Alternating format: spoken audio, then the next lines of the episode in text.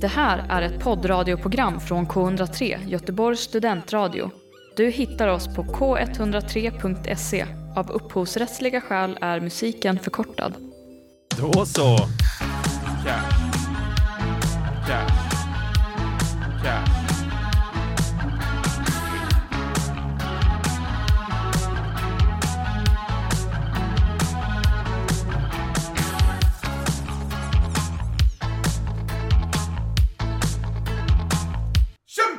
Kämpa på, kämpa på, Gustav! Vi är tillbaks. Det är vi! Med nöje ger sig fan inte. Nej, vi inte i första taget. Vi kämpar på. Eh, det, är ju, det är ju det här programmet som jag gör, Gustav. Och Oskar. Vi har fått skit för som sagt att vi inte presenterar oss, så nu gör vi det. Och idag Oskar, så har vi ju ett, eh, jobb med ett specialavsnitt va? Vi kommer avvika från den vanliga formen, så att säga. Det gör vi. Vi har nämligen en eh, ganska intressant intervjuperson. Ja, vi har ju eh, förinspelat en intervju faktiskt. Han skulle kommit till studion. Det är löst. Med vem? Med John Andreas, Gentlemen's coach, Oh. som han också kallas på Instagram.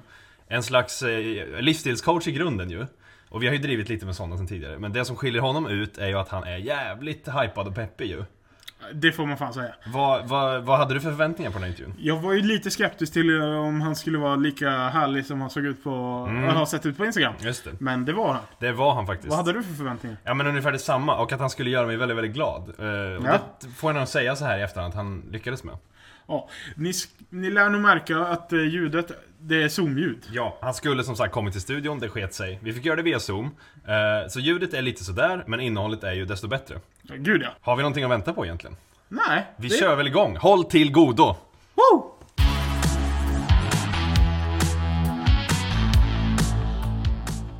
Bam! Här är jag vet du, John Andreas, Gentlemen's coach. Kul att ni är där! Och jag är här! Grymt. Eh, jag tänkte börja med, eh, jag har haft lite så här problem att förstå, eller ditt namn John. Eh, heter du Andreas i efternamn? Jag har ett annat efternamn som jag inte går, har gått ut med, för att jag inte vill vara offentlig. Ja, fattar. Yes. Ja men då vet jag. Men apropå namn då. Du kallar ju dig själv för, för Gentlemen's coach ju. Vill, Yes! du, vill du förklara den något lite? Jag tänker på så, när man tänker gentleman idag så tänker man ju lite så här eh, äldre män i frack som dricker whisky. Men jag gissar att du har en lite modernare tolkning på det kanske? Ja, för att jag, jag ser en gentleman med de inre kvaliteterna. Det är de inre kvaliteterna som, som är en gentleman. Att han är generös, han är omtänksam, han är inkluderande i samhället, han vill att folk ska må bra. Han vill vara sitt bästa jag varje dag. Och han jämför sig inte med någon annan, han jämför sig alltid med sig själv. Att, hur var jag igår? Ja, har jag lärt mig någonting nytt idag? Jajamän! Jag har blivit lite mer optimerad idag än vad jag var igår.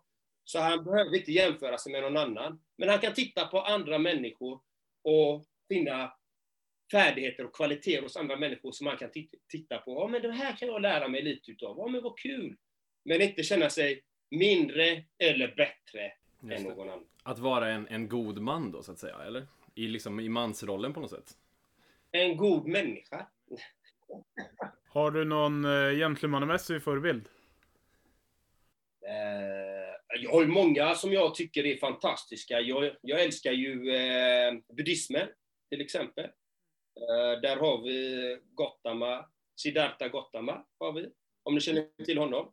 Eh, sen har vi Nelson Mandela, vi har, eh, vi har Moder Teresa, vi har Gandhi. Alltså, alla de här som sprider något gott är något som jag inspireras av och jag tycker har gjort någon nytta i samhället.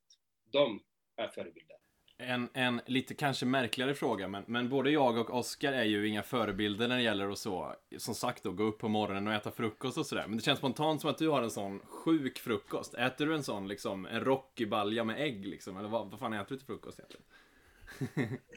Uh, idag har jag inte ätit någon frukost. Är det sant? Det var ju skönt för oss att höra. Jag brukar inte äta frukost. Eh, vanligtvis inte, men det är ingenting som säger att jag inte kan äta en frukost. Men jag, jag brukar ta en kaffe innan träningen. Det är det. Eh, så idag har jag tagit två kaffe. Det är allt jag har tagit idag. Än så länge. Klockan är 10 över 12 nu. Så inga så råa ägg då? Nej, jag har nog aldrig ätit råa ägg. Nej, det låter ju klokt ändå. Så att, och kosten är ju, den är ju väldigt intressant, för vi äter ju väldigt mycket, många gånger. Många av oss äter väldigt mycket för att dämpa någonting, eh, faktiskt. Att, eh, och det får inte oss att må bra alltid att äta för mycket heller. Vi behöver inte äta för mycket alla gånger. Vi kan, vi kan gå flera dagar utan att äta, vilket vi eh, är uppbyggda, att kunna gå flera dagar utan att äta. Ja. Så- Mm. Så det har blivit ett betingat att vi många gånger, frukosten är det viktigaste målet per dag. Det, det var det jag fick till mig när jag var liten, liksom, att du måste äta frukost, du kan inte gå hemifrån utan att äta frukost. Liksom. Men till slut kom jag en dag och tänkte jag, men måste jag äta frukost? Är det verkligen sant? Ja, jag provar, jag måste experimentera själv, jag ska vara en forskare i mitt egna liv. Så jag provade. Nej, jag behövde ingen frukost, då skippar vi det. Jag läste någon sån, jag läste någon artikel om någon konspirationsteoretiker som påstod att Kellogg's var liksom en konspirationsteori för att liksom sonka oss för att vi egentligen då ska, eh, ja men för att dämpa ångest på något sätt på morgonen liksom. Ja, det är mycket socker i Kellogg's liksom. Ja, alltså det... Ah, socker... Vi är inte uppbyggda på att äta så mycket socker som vi gör. Det, det, det fanns ju inte så mycket på det på stenåldern. Det var ju honung liksom. Och nu, nu är det socker i allting liksom. Vi, vi får eh, sockerberoende och... ja, det är tragiskt att se de här sakerna som sker faktiskt eh, i samhället, tycker jag. Du var ju med i ett eh, program på, eller ett SVT-program. Uh, programmet handlade om att du har gjorts till en meme på internet av vissa. Eh, programmet heter då Du gjorde mig till ett meme. Eh, vad har du fått för reaktioner på det här programmet? Och jag har fått väldigt mycket reaktioner faktiskt. Väldigt mycket positivitet från människor faktiskt. Som tycker att det jag gör är fint, att det är modigt och eh, de är glada att jag är mig själv, att jag vågar stå för vem jag är. Liksom. Så det är oftast det, att de tycker det känns väldigt fint att fått se mig bakom kulisserna lite. Faktiskt. Eh, och se vem John Andreas verkligen är. Liksom. Eh, eh, jag vill inte vara offentlig som sagt och jag brukar inte ställa upp på sådana här podcast heller så många. Jag är ganska selektiv där men Gustav han har inte gett sig där vet du. och, och, det, och det älskar jag när man inte ger sig. Det är det bästa som finns. Jag älskar människor som inte ger sig. Jag älskar det. Men, men känns det, apropå att du inte vill vara offentlig och sådär, känns det som att det kan, kunde funnits en risk med, med SVT-programmet då? Att liksom hela typ meme-grejen och det skulle blomma upp igen eller sådär eller? Att det skulle sätta fart igen? Hur tänker du? Nej men jag tänker att du liksom kanske, du, du kommer ju liksom exponeras mycket igen då, att folk kanske får inspiration och börjar göra memes, memes igen. För det förstod jag som att du tyckte inte var jätteroligt liksom, just själva meme-grejen och sådär. Alltså, alltså nu har de ju tagit eh, saker ur sitt kontext. Liksom. Det här är ju en dokumentär, så de har ju klippt och, eh, så att allting kommer ju inte med allt som jag säger. Va? Det, det, det, det, de, de väljer att hinta vissa saker och vissa saker tar de ju bort. Så är det ju, för det, jag, kan inte, de, jag var ju 12 timmar med SVT liksom. Det här, är ett, det här är ett program på 30 minuter och jag är inte med 30 minuter i programmet. Jag var 12 timmar med dem, ungefär. Eh, give or take liksom. Så att, eh, eh, och eh, jag hade inte så mycket emot memesen. Jag visste inte vad memes var, nummer ett. Jag hade inga sociala medier tidigare heller, så att jag har inte varit intresserad av de bitarna. Liksom. Och, eh, så att jag klart att när man inte vet någonting och helt plötsligt någonting händer, man, man undrar vad är det som händer liksom. Man vill ta reda på vad är det som händer, varför, varför händer det här, vad är detta för något? Så då får jag analysera och titta på vad är det som händer. Och som tur är jag har jag en partner som jag kan bolla med också, liksom, som är lite mer social, eller alltså med sociala medier, lite mer van än mig i de bitarna. Liksom. Så sa med memes, liksom, okej, vad kan jag göra åt det? Är de roliga? Ja, de här är roliga. De här gillar jag. De här kan jag skratta åt själv. Liksom. De är roliga. De, alla som jag tyckte var roliga delade jag i mina stories. Och jag gjorde en egen fem eller sex i topplista, eller åtta i topplista, som jag la ut på min Instagram-sida eh, då. Så att, eh, och alla andra som jag hade med negativ bemärkelse när det är relaterat till någon form av förtryck eller droger eller något som inte är gott, de kastade jag i papperskorgen. De jag mig inte om. Hela det här programmet eh, kulminerar ju som i att du träffar en av de som skämtar om dig, eh, Meme Lord Yeti. Ja. Eh, hur Ja. var det att träffa honom? Det var jättefint, det var roligt, det var varmt. Och det... Men vi hade ju en bra relation tidigare. Jag hade, alltså jag hade skickat till honom och tacka honom för att han har gjort de här memes-grejerna på, av det som är mitt content, så att säga. För att det har hjälpt så många människor.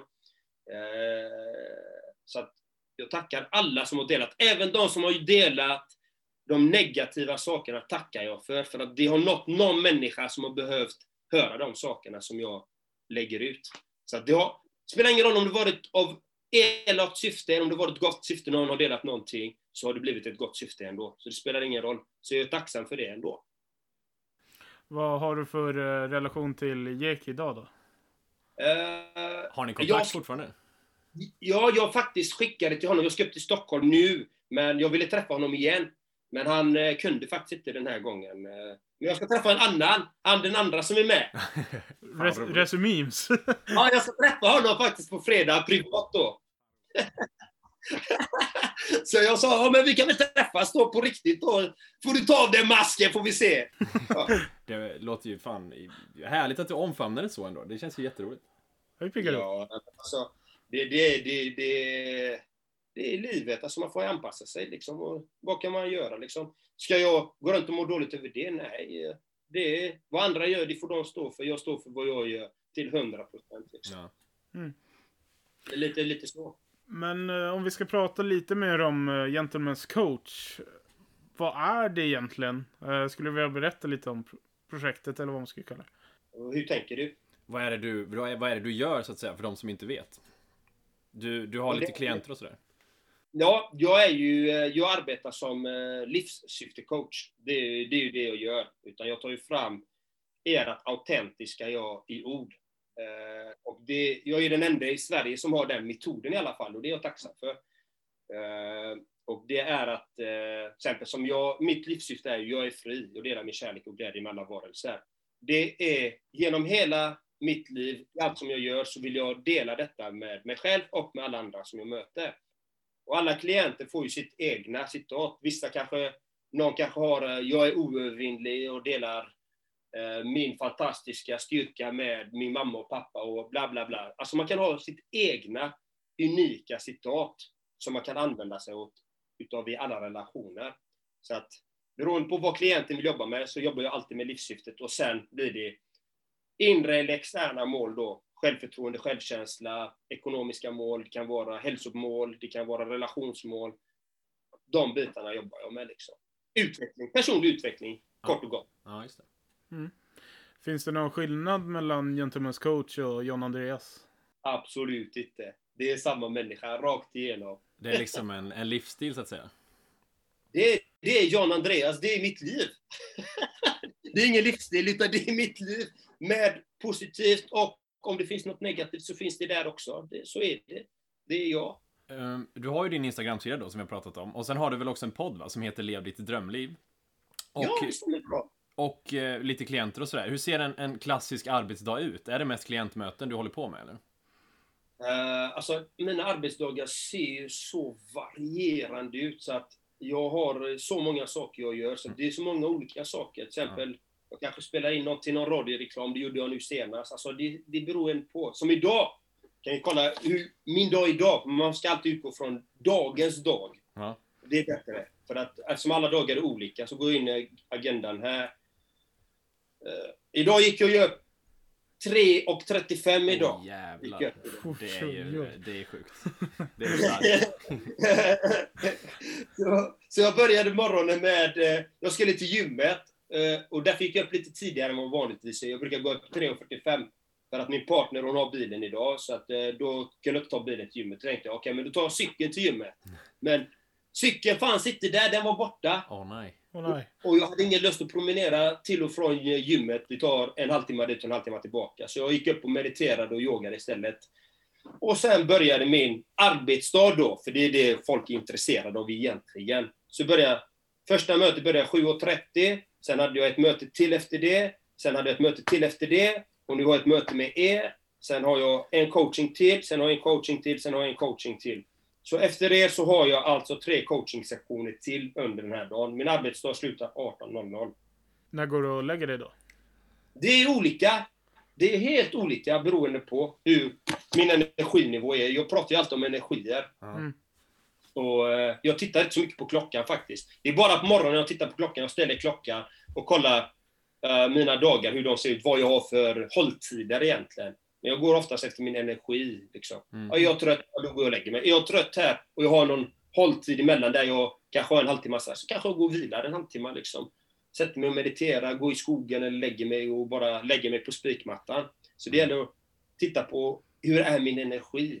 Det är framförallt det. Någon gång kanske jag lägger mig klockan 10, någon, någon gång 11, någon gång kl- klockan 9. Det handlar om min energi bara. Mm. Så att vi är så ofta så fixerade vid klockan. Jag måste lägga mig klockan, eh, klockan nio, annars, blir, annars får jag inte mina åtta timmar sömn. Jag blir knäpp, jag blir, jag blir irriterad, jag blir grinig, jag blir förbannad, jag blir... Får jag inte mitt kaffe så exploderar jag. Nej! Det handlar om hur du har tränat ditt mentala tillstånd. Det handlar bara om det. Ingenting annat.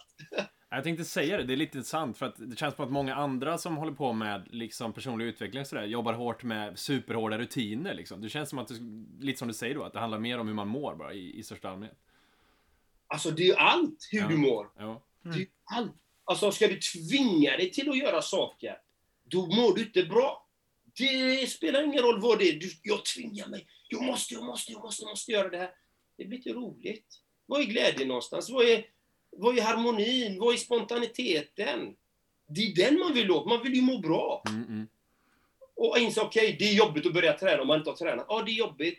Okej, men gör det på din nivå då. Gå i, gå i skogen fem minuter, eller gå tre, tio trappsteg om det är det du orkar med. Gör det då. Börja där du är. Sätt inte världens ribba, jag måste göra det. Nej, ta det därifrån du är. Och varför du ska göra de sakerna du ska göra. Varför vill jag må bättre? Varför vill jag gå och träna? Varför vill jag bli ekonomassistent? Eller varför vill jag lyckas bli en idrottsman eller affärskvinna? Whatever, det spelar ingen roll varför vill man det. Mm. Mm. Jag kan babbla på evigheter om de här grejerna. Men eh, om vi tar allting från början. Eh, när börjar du med coachningen? Eh, själva coachingen börjar ju, om man ska säga riktigt ärligt, så börjar jag med min lillebror och hans, eh, hans eh, vän. Och då var jag ju bara, kan ha varit 16-18 år. Men när jag verkligen insåg att faktiskt att jag ska arbeta som coach. Eh, eh, för jag hade fått det till mig i många år. Då arbetade jag som elektriker och elkonsult liksom. Och då hade jag fått det så många, många gånger till mig att jag ska hjälpa människor. I den här SVT Edit-programmet då, så berättade du om att du så här började utbilda dig själv först ju, med liksom personlig utveckling och sådär. För att sen Mm. kunna utbilda andra. Alltså hur såg den utbildningen ut? Är det liksom att man läser massa böcker och, och går till sig själv, eller finns det en, en faktisk utbildning? Eller? Det finns en faktisk utbildning, men det var inte så jag började. För jag visste ju inte att jag skulle bli coach. Nej. Mm. Utan jag hade en, en, en brinnande strävan efter att lära känna mig själv och förstå varför jag fick de resultaten jag fick i livet. Ja. Varför jag fick eh, en, en ohälsosam kropp, varför jag hade negativa tankar, varför jag hade destruktiva relationer och varför jag fick positiva resultat i andra områden i livet. Mm. Att analysera och reflektera över varför är det som det är? Vad är det som gör skillnaden? Och började forska i det och började meditera. Det var det första. 2008 började jag meditera. Då åkte jag på sån här 10 dagars retreat, medita- meditation 10 timmar om dagen.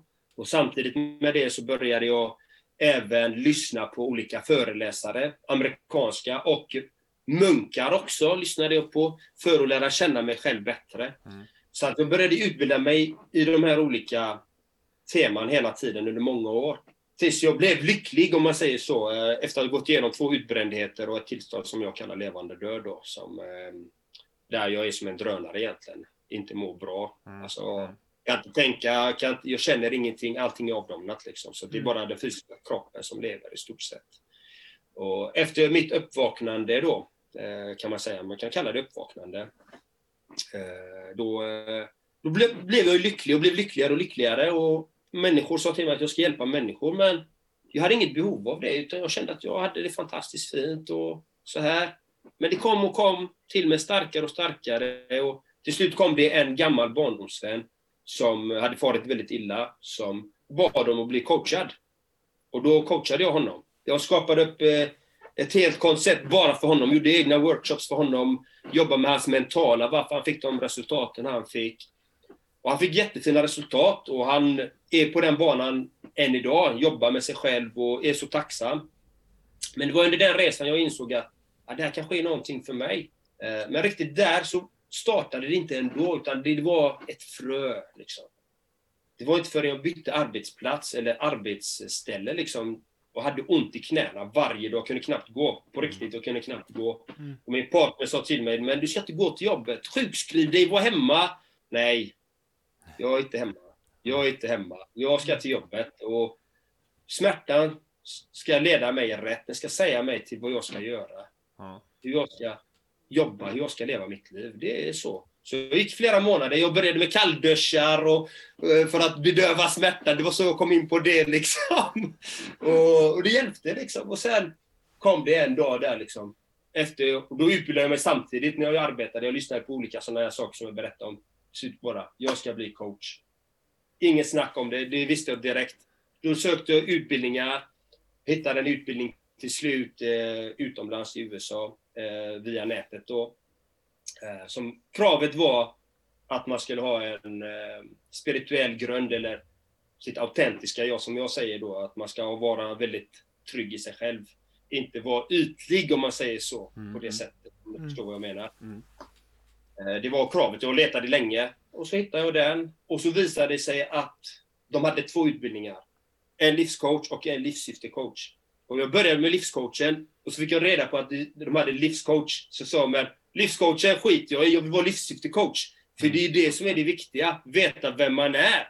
Mm. Veta vad man är här för att göra. Mm. Vad det är man ska sprida. Så då hoppade jag in på den biten. Så rullade det på.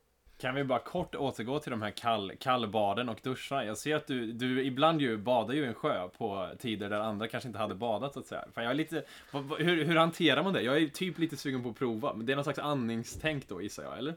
Alltså, det finns ju olika metoder. Alltså, det finns ju en som heter Wim Hof. Man kan köra en andningsövning innan. Det, jag brukar inte göra den. Eh, och ibland, och så kan man köra bastu innan. Jag har använt både bastu, jag har kört andningsövningen och jag har kört utan någonting, utan bara gå rätt i.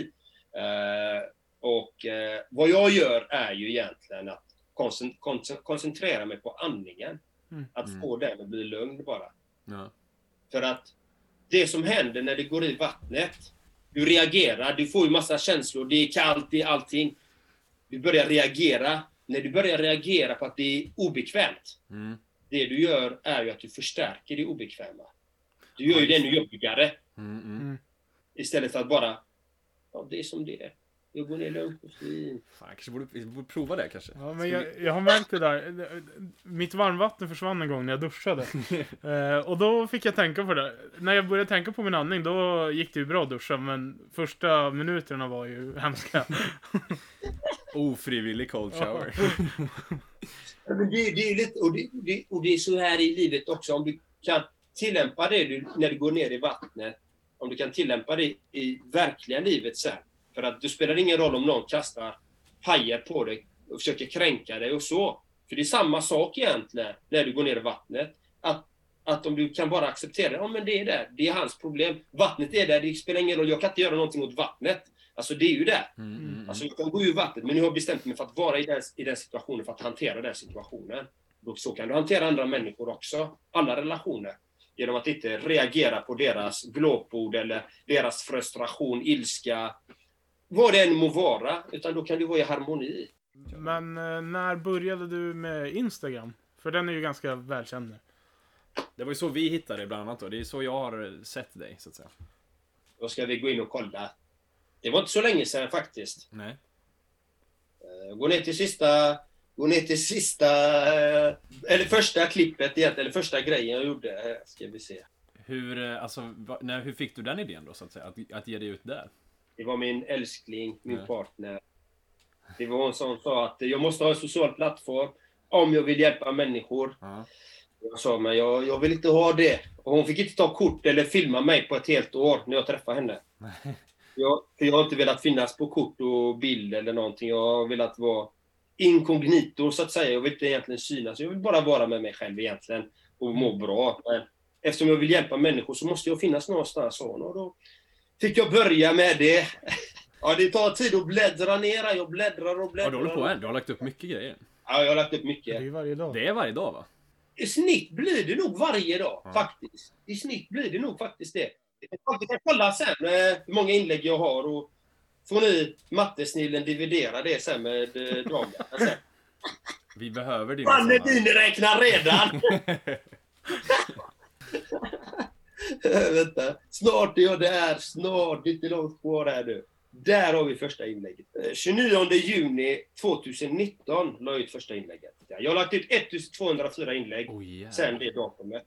Hur, du, du nämnde ju din, din, din partner lite grann och vi behöver inte gå närmare in på, på, på den personen. Men jag tänker bara, lever ni liksom samma, har, samma livsstil sådär? Går ni upp lika tidigt båda två sådär eller? Eller är det liksom... Nej.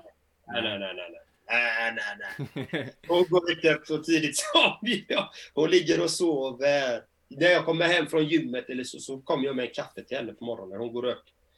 eh, Fem, mellan fem, sex går hon upp där någon gång beroende på Det vad vi är är ändå tidigt. Det är ändå tidigt ja. Ja, men oftast är det sex eh, vardagarna. Ja. Är vi i Göteborg så är det sex. Är vi ute i Marks kommun så är det, då är det, då är det tidigare. Då är det fem. Då går fem. Brukar du få, få så morgonpeppa henne också? Nej, henne hon får en puss. Hon får en puss och en kram och en kaffe.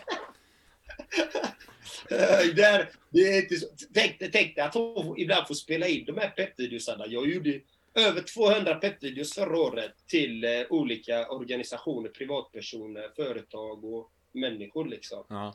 Så det gör jag också, förutom att jag är coach, liksom, Mm.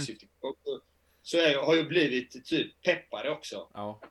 Som en bieffekt Ja. av det jag gör. Det är väl den vi har fått ta del av då kanske. Vi, Ja.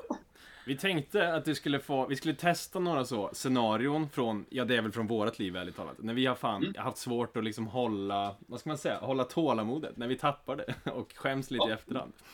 Ja, men vad kul. Bru- Brukar du bli, blir du arg på så här små saker och sånt också eller? Om man typ sparkar i Nej, tån sånt. det, nej, jag blir faktiskt inte det. Om jag ska vara helt ärlig så blir jag inte det.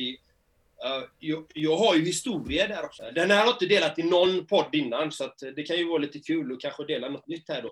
Eh, det var ett tag i mitt liv då, eftersom jag sa att jag var lycklig liksom. Jag trodde jag var så lycklig som man bara kunde bli. Jag trodde inte jag kunde bli arg. Jag trodde verkligen, verkligen att jag inte kunde bli arg.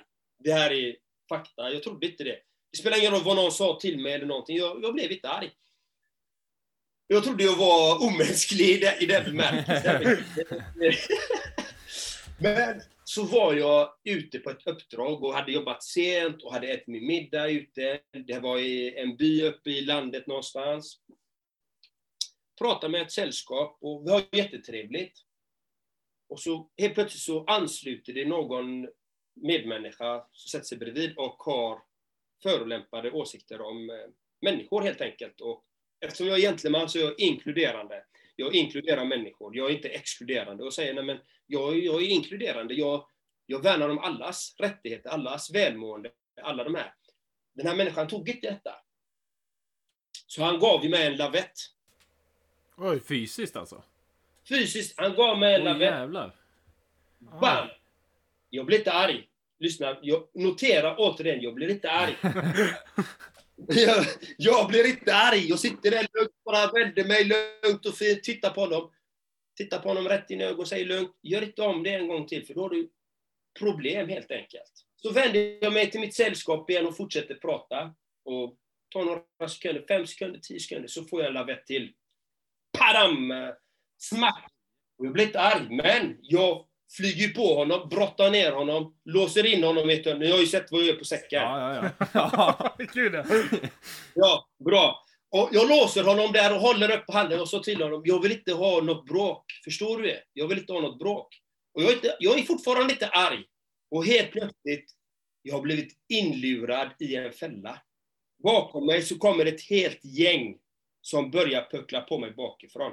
Så att jag blir nedslagen och jag får parera mig. Jag ligger där och parerar varenda slag och jag är halvt blåslagen. Jag lyckas komma ur. Men den vreden jag kände där, liksom, det var Guds nåde kan jag säga. Jag var så arg. Jag blev så arg, jag blev sån hämndlysten. Jag blev, jag blev ett, ett monster, blev jag. Och, eh, jag sprang ut och skulle knocka allihopa igen. Jag sprang ut, nu, nu tar jag dem allihopa liksom. Och så kommer, kommer det 20 pers eller 10 pers mot mig och bara, nej jag har ju ingen chans. Han- mörkvältat. Jag, jag springer in igen och ringer snuten då. Och snuten kommer Och jag beskriver hela scenariot och de tar alla anteckningar och så här. Jag ska tillbaka dit veckan därefter och fortsätta avsluta arbetet. Och jag är så arg, jag är frustrerad, jag är kränkt, jag är alla de här bitarna. Och polisen, de gör ju ingenting liksom. Och jag ringer dem, men har ni fått tag på honom? Nej. Så jag letar ju upp den här personen som är huvudkaraktären i det här. Jag letar upp honom på... Jag kan inte, har inte sociala medier då. Jag tänker, vad, vad tycker man om i en liten, en liten håla? Man, man älskar bilar. Det, är ju... det, det, det man gillar. Så, så jag kollar alla, bil, alla Facebook-grejer med bilar i det området. Vips hittar jag honom. Jag hittar hans adress, allting. Och under den här resan då, när jag pratar med polisen, för att backa bandet, så säger jag till polisen så här, för jag är så frustrerad. Jag säger, ta inte honom innan måndag jag kommer upp. Så kommer jag knäcka knäskålarna på honom, jag kommer slå in pannbenet på honom, jag kommer mölbönta honom. Han kommer ligga begraven i jorden. Han kommer ligga där nere, bara så att ni vet om det. Sköter ni inte ert jobb så kommer han ligga där. Och jag sannar mina ord när jag säger detta, jag menar fullt allvar. Så sa jag till polisen. Och vi förstår att du är frustrerad och så. Och när jag kommer hem och så hittar jag honom på Instagram, eller lite Facebook då, så ringer polisen. Här har ni honom, bam, bam, bam, bam, bam. Och jag blir, jag blir så frustrerad och så arg. Så min partner som jag är tillsammans med, hon tittar ju på mig och bara, men vad är det? Och hon ser ju jag i blåslagen, hon tar ju kort och allting och så här på mig liksom. Och vi skickar till polisen även efteråt då. Men hon låter mig vara. Jag börjar ju titta på vapen. Jag är ingen sån människa. Jag börjar titta på dolda vapen. Jag beställer dolda vapen. Jepp, jag blir så skadad. Jag blir så skadad liksom. Jag beställer kniv in i skärpet, som man har dolt kniv, paraply med svärd. alltså jag, jag tar det till maximum. Jag gör ju allting ordagrant all in va. Ska vi, ska vi säga av juridiska skäl att det här egentligen inte har hänt? nej, nej, du kan säga att det har hänt. Det spelar ingen roll. Jag beställer de här sakerna, men jag betalar för dem. Jag hämtar inte ut dem. Nej, ah, just det. Okej, okay. det är skillnad, ja. Jag hämtar inte ut dem. För jag inser under resans gång att när jag googlar den här killen, han... Så, vi ska ju tillägga att han är ju tatuerad upp, okej, okay, inte för att döma någon, men han är ju tatuerad överallt liksom. Och, mm. Så ser jag att han har ett litet barn. Han är familjefar. Då, okej, okay. jag kan inte, jag, jag gör inte det här. Vad får jag göra istället? Jag får göra en förlåtelseprocess helt enkelt. Jag får förlåta honom för hans oförmåga, för hans omedvetenhet, till hans, till hans handlande. Så jag förlåter den här människan. Jag förlåter honom fullt ut och förstår att han, en människa som mår bra, gör inte så här. Så att jag förlåter honom och förlåter mig själv samtidigt för att få bort de här sakerna, den här ilskan, den här aggressiviteten som har uppkommit när jag inte trodde jag kunde bli arg. Så det var ett test för att se om jag kunde bli arg. Ja, ja. Att jag fick göra en, en, egen förlåtelseprocess för att förlåta mig själv och förlåta den här människan. Så jag har ingenting agg mot den här människan eller de här människorna idag. Men det var om jag aldrig blir arg. Jo, jag kan bli arg, men det krävs väldigt mycket för att jag ska bli arg. Nu kommer ju de här scenarierna som vi har tagit i vårt lilla liv framstå som ganska futtiga får man ju säga. Men jag tänker att du kan väl få ge oss lite tips då på hur vi borde hanterat dem ja. i så fall. Vad roligt! Vi, vi kan ju börja med det lättaste kanske. Ja. Okej, okay, vi börjar då. Du har just njutit av en eftermiddagskaffe på Grekiska tavernan här i Göteborg. Och när du traskar mot din mer eller mindre välvårdade bil så märker du att framrutan är besmutsad med en gul lapp. Du har fått en parkeringsbot. Mm. Hur reagerar du? Jag reagerar. en gång. vad ska jag göra? Ja, har jag parkerat fel så har jag parkerat fel. Du får acceptera det. Alltså mer kan jag inte göra. Jag kan inte påverka någon annans beslut. Och jag vet av egen erfarenhet, det hjälper inte att överklaga. Den hamnar bara i papperskorgen hos dem ändå. Du ska betala dem cashen, så enkelt är det. Det, det ligger utanför mina händer. Jag, jag, jag har failat. Jag får ta det ansvaret. Det var mitt misstag, om det var mitt misstag. Och även ibland är det inte ens misstag, men man får den ändå. Du får oftast inte rätt ändå. Så att det är bara att acceptera. Det är så jag gör. Hur, tror, hur tror du jag reagerar Oskar? Jag satte mig i bilen och slog på ratten och skrek. Det var, i och för sig lite, det, det var lite förlösande i och för sig, men... ja, exakt, exakt så var det. Ja, vi Jag har gjort det tidigare. Ja, okej, då får jag också träna på att leva i situationen. kanske. Ja. Ta nästa då. Yes. Du är ute och bränner i din, eh, som vi sa tidigare, troligtvis välvårdade bil. Eh, och så säger vi att du kommer från Majorna. Och så ska du ut till Gamlestan. Och du, du är kanske lite stressad, du kanske ska träffa en klient. Eh, och sen när du kommer till Masthuggskajen så märker du att uh, Götatunneln av någon oklar anledning är stängd. Det här innebär då att du kommer behöva åka i något som liknar en gokartbana genom hela Göteborgs centrum. Eh, och du kanske tänker, ah, inga problem. Eh, det är sånt som händer. Men sen när du sen behöver böka på med bilen vid centralstationsparkeringen så är det en kille som tränger sig förbi i en sketen Ford Fiesta. Eh, och i den här bilen så sitter det en lurvig kille som kanske har skämt om dig på nätet. Eh, du tutar instinktivt när han tränger sig. Eh, och samtidigt då så visar den här lurviga killen fingret. Hur reagerar du? Jag hade gett han en slängpuss. Det är klart att du hade. Det är klart att du hade. Vad, tänk- vad, det, vad hade ni reagerat om ni gjorde fuck you till någon och han gör bara varsågod. Då, blir, då skäms man ju Ja, nästan. jag, Då- ja. Det är Fan, fan det är bra. Ja, det är bra. Ja, jag vet inte. Det man är ute efter här är någon slags road rage-grej ju. Alltså, jag, det är någonting med, alltså, jag är ju ganska sävlig skulle jag säga. Men just i bilen så har jag tendens att bli vansinnig. Och jag ibland, kan ibland tycka att det finns något med det, att man får avreagera sig lite. Men det kanske man inte ska göra alls då, eller? Alltså, det beror ju på hur man är som människa. Jag säger det, varken det finns det rätt eller fel, utan det beror på vilket medvetande man har.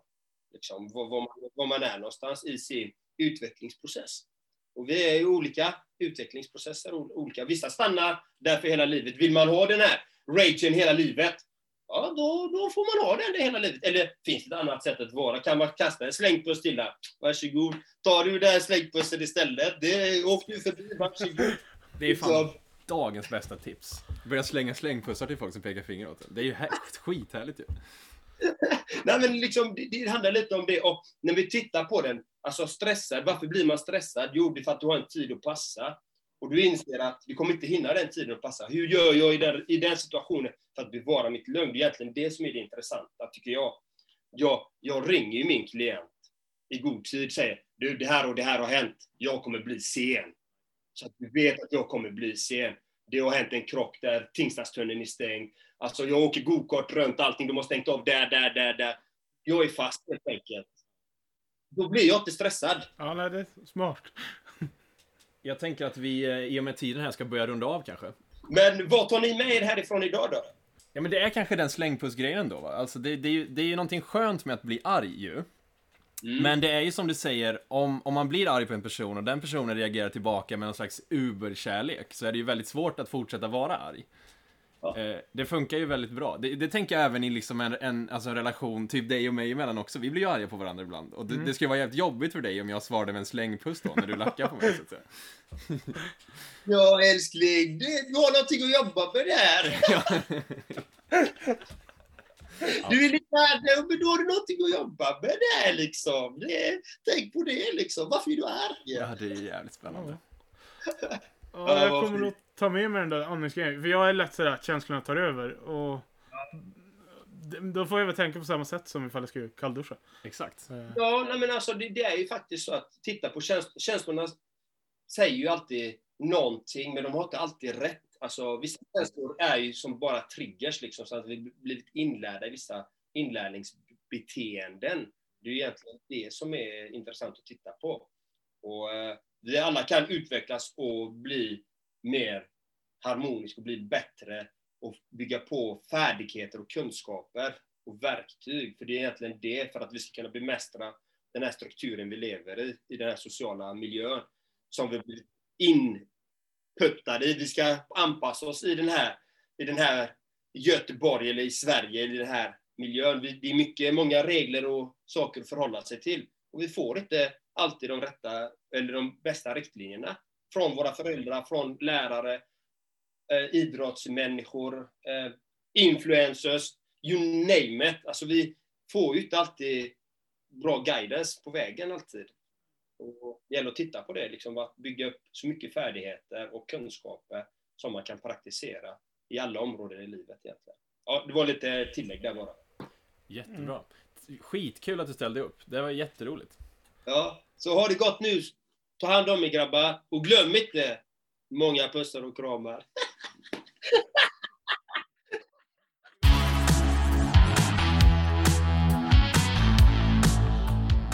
Ja, hörni. Det var allt för oss. Inte så lite, enligt mig. Nej, jävla dunderdag det här. Vad glad man blev. Ja, gud. Vi satt ju och garvade Ja, det gjorde vi. Eller en timme efter för att vi var så jävla amazed. Ja, men han bjöd på stories som man inte hört talas om förut, som var spektakulära va? Svärd i paraplyer och allt vad det kan. Och han gör en ju ändå glad i själen den här killen, på något vis. Har ni inte, följer ni inte John Andreas på Instagram så tycker jag att ni kan göra det på Gentlemen's coach. Ja. Och har ni glömt bort att följa oss, era jävlar, då är det ju att med som gäller. Och om ni vill lyssna på det här flera gånger så rekommenderar jag att ni går in på Spotify, iTunes eller Acast och lyssnar på det här som podd, för där kommer det finnas, ja för evigt vad det verkar. Tom den där. Om ni vill lyssna på det här igen, typ hur många gånger som helst, så kan ni gå in på Spotify, iTunes eller Acast och söka på Med Nöje. För där finns vi ju. För alltid vad det verkar. Där finns vi Ja. verkligen. Ni blir aldrig av med oss. Gråt inte Gustav, för vi kommer verkligen tillbaka näst, nästa torsdag. Ja, 21.03. Som vanligt. ja, vi kämpar på alltjämt. Och tills dess, ha det så jävla gött nu. Hej!